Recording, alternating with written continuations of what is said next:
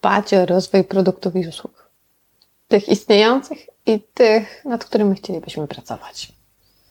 Pytać klientów, obserwować słupki sprzedażowe, a może kierujecie się innymi czynnikami? Hmm. I o tym chciałabym dziś z Wami porozmawiać. Cześć, nazywam się Agnieszka, Agnieszka Kolber i prowadzę ten podcast Wizja Biznesu. Dlaczego wizja? Bo w moim świecie nie ma zero-jedynkowych rozwiązań. Coś, co sprawdza się w Twojej organizacji, niekoniecznie będzie miało rację bytu w mojej. I to jest ok.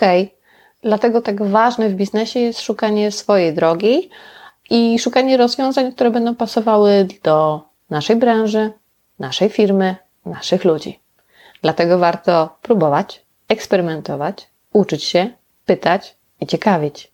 I do tego Cię zapraszam. Ok, ale wracając do tematu. Jak rozwijać produkty i usługi? Po pierwsze, trzeba by było uznać, że w biznesie nie ma czegoś takiego jak konstant. Nie da się czegoś wyprodukować i w postaci niezmienionej czerpać do tego, z tego korzyści do końca życia i jeszcze dłużej. Coś takiego nie istnieje. A nawet jeżeli słyszałeś o takiej historii, to jest ona prawdopodobnie incydentalna. Była trafem i wielkim szczęściem i super, ale trudno się z tego czegoś nauczyć albo samemu skorzystać. Dlatego nie zaprzątaj sobie tym głowy.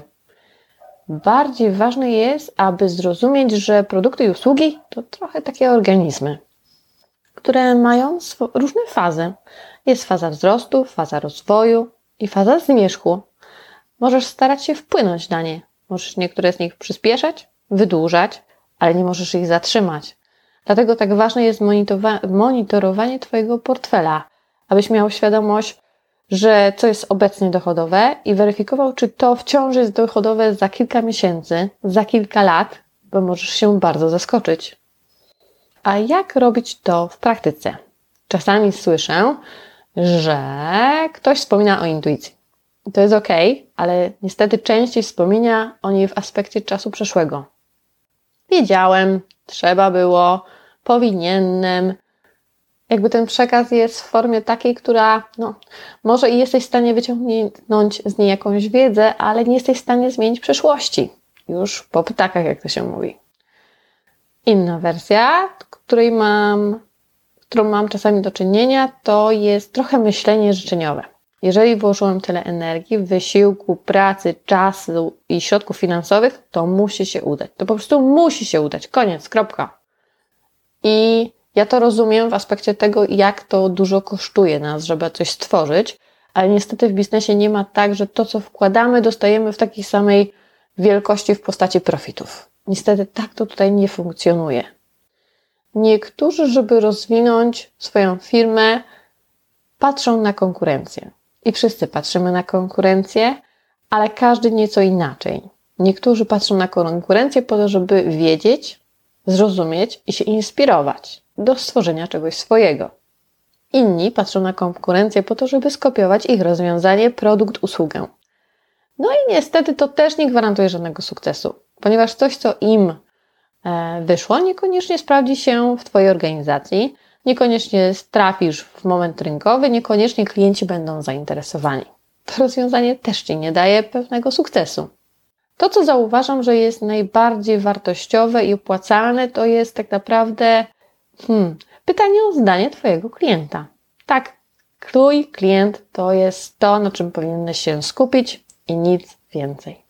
Ale jednocześnie wiem, że to też jest trochę trudne, z tego względu, że czasami widzę firmy, które może i zbierają informacje o swoich klientach, bo są ich ciekawi, chcą ich poznać, ale z jakichś przyczyn nie wykorzystają tych informacji, po prostu je magazynują.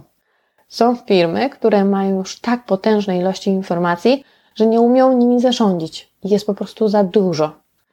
Są też firmy, które zadają pytanie typu: Mój drugi kliencie, co byś chciał, abyś był szczęśliwy? I klient odpowiada: Chciałbym więcej za mniej. I te firmy są zaskoczone odpowiedzią, choć Trudno się spodziewać czegoś innego, zadając takie pytanie klientowi. To, co uważam, że jest najbardziej wartościowe, to jest obserwowanie klienta. Dokładnie tak. Obserwowanie klienta. Obserwowanie najlepiej w warunkach naturalnych, jak korzysta z Twojego produktu, usługi. w jaki sposób to robi, jak często, na jakie trudności napotyka, jakie emocje się pojawiają. Czy jest tam złość, irytacja, zdziwienie, zagubienie, zniechęcenie, a może radość?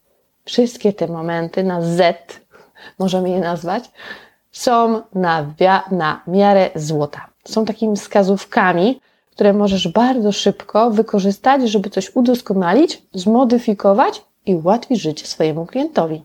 On będzie Ci za to naprawdę wdzięczny. To, co warto na pewno jeszcze robić, to weryfikować deklaracje.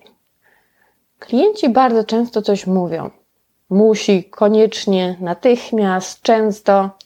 I są to tylko deklaracje. Warto poddać je pod pewien osąd na podstawie pytań. Zacznij zadawać pytania takie trochę szersze, aby zrozumieć kontekst, w jakich warunkach ktoś korzysta, w jakim środowisku funkcjonuje, dlaczego korzysta. Zadaj pytania typu jak często, jak ważna jest to y, użyteczność, funkcjonalność, czy byłby gotowy za nią dodatkowo zapłacić? Jeśli tak, to ile? Dlaczego wybiera Twoją ofertę, a nie konkurencji? Czy byłby skłonny zarekomendować Twój produkt komuś bliskiemu, polecić? Czy byłby gotowy ponownie dokonać zakupu? Te informacje trochę weryfikują te deklaracje. Musi koniecznie natychmiast, ponieważ ludzie kłamią. I kłamią nie dlatego, że chcą Cię oszukać, ale dlatego, że czasami nie mają do końca świadomości, na jakiej podstawie podejmują decyzje, dlaczego je takie podejmują i dlaczego coś mówią. A na pewno już nie wiedzą, jak poważnie, śmiertelnie traktujesz ich deklaracje, które są czasami po prostu ogólnikowe. Klienci często nie wiedzą, czego so, sami chcą, ale ty możesz im pomóc do tego dotrzeć.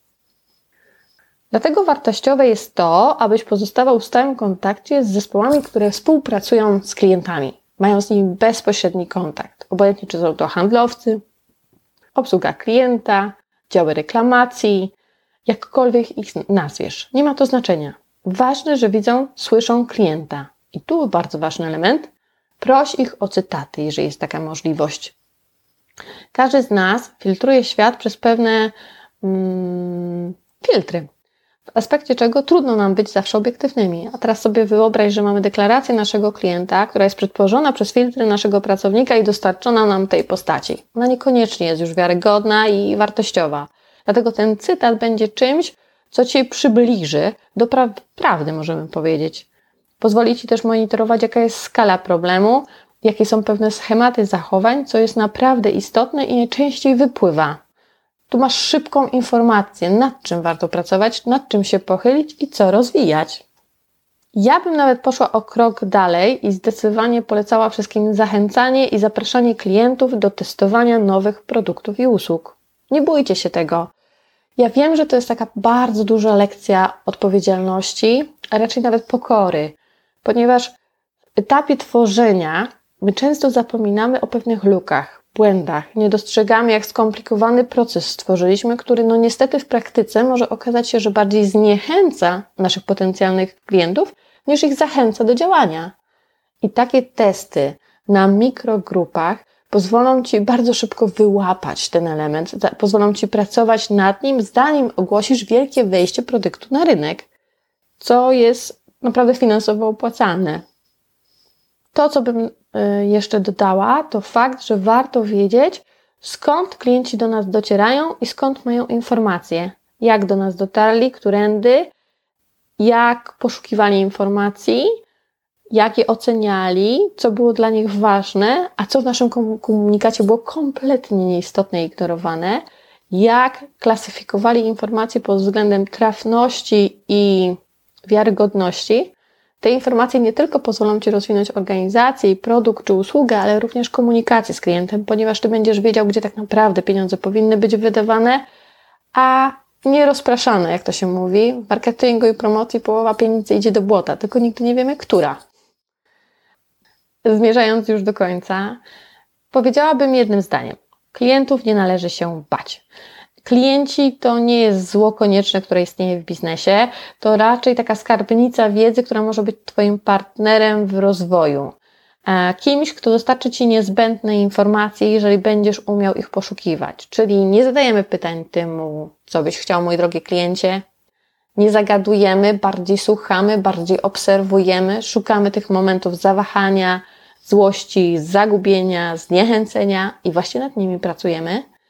Weryfikujemy deklaracje naszych klientów w stosunku do tego, jak one naprawdę są dla nich istotne. Sprawdzamy gotowość do zapłacenia za pewne usługi i funkcjonalności.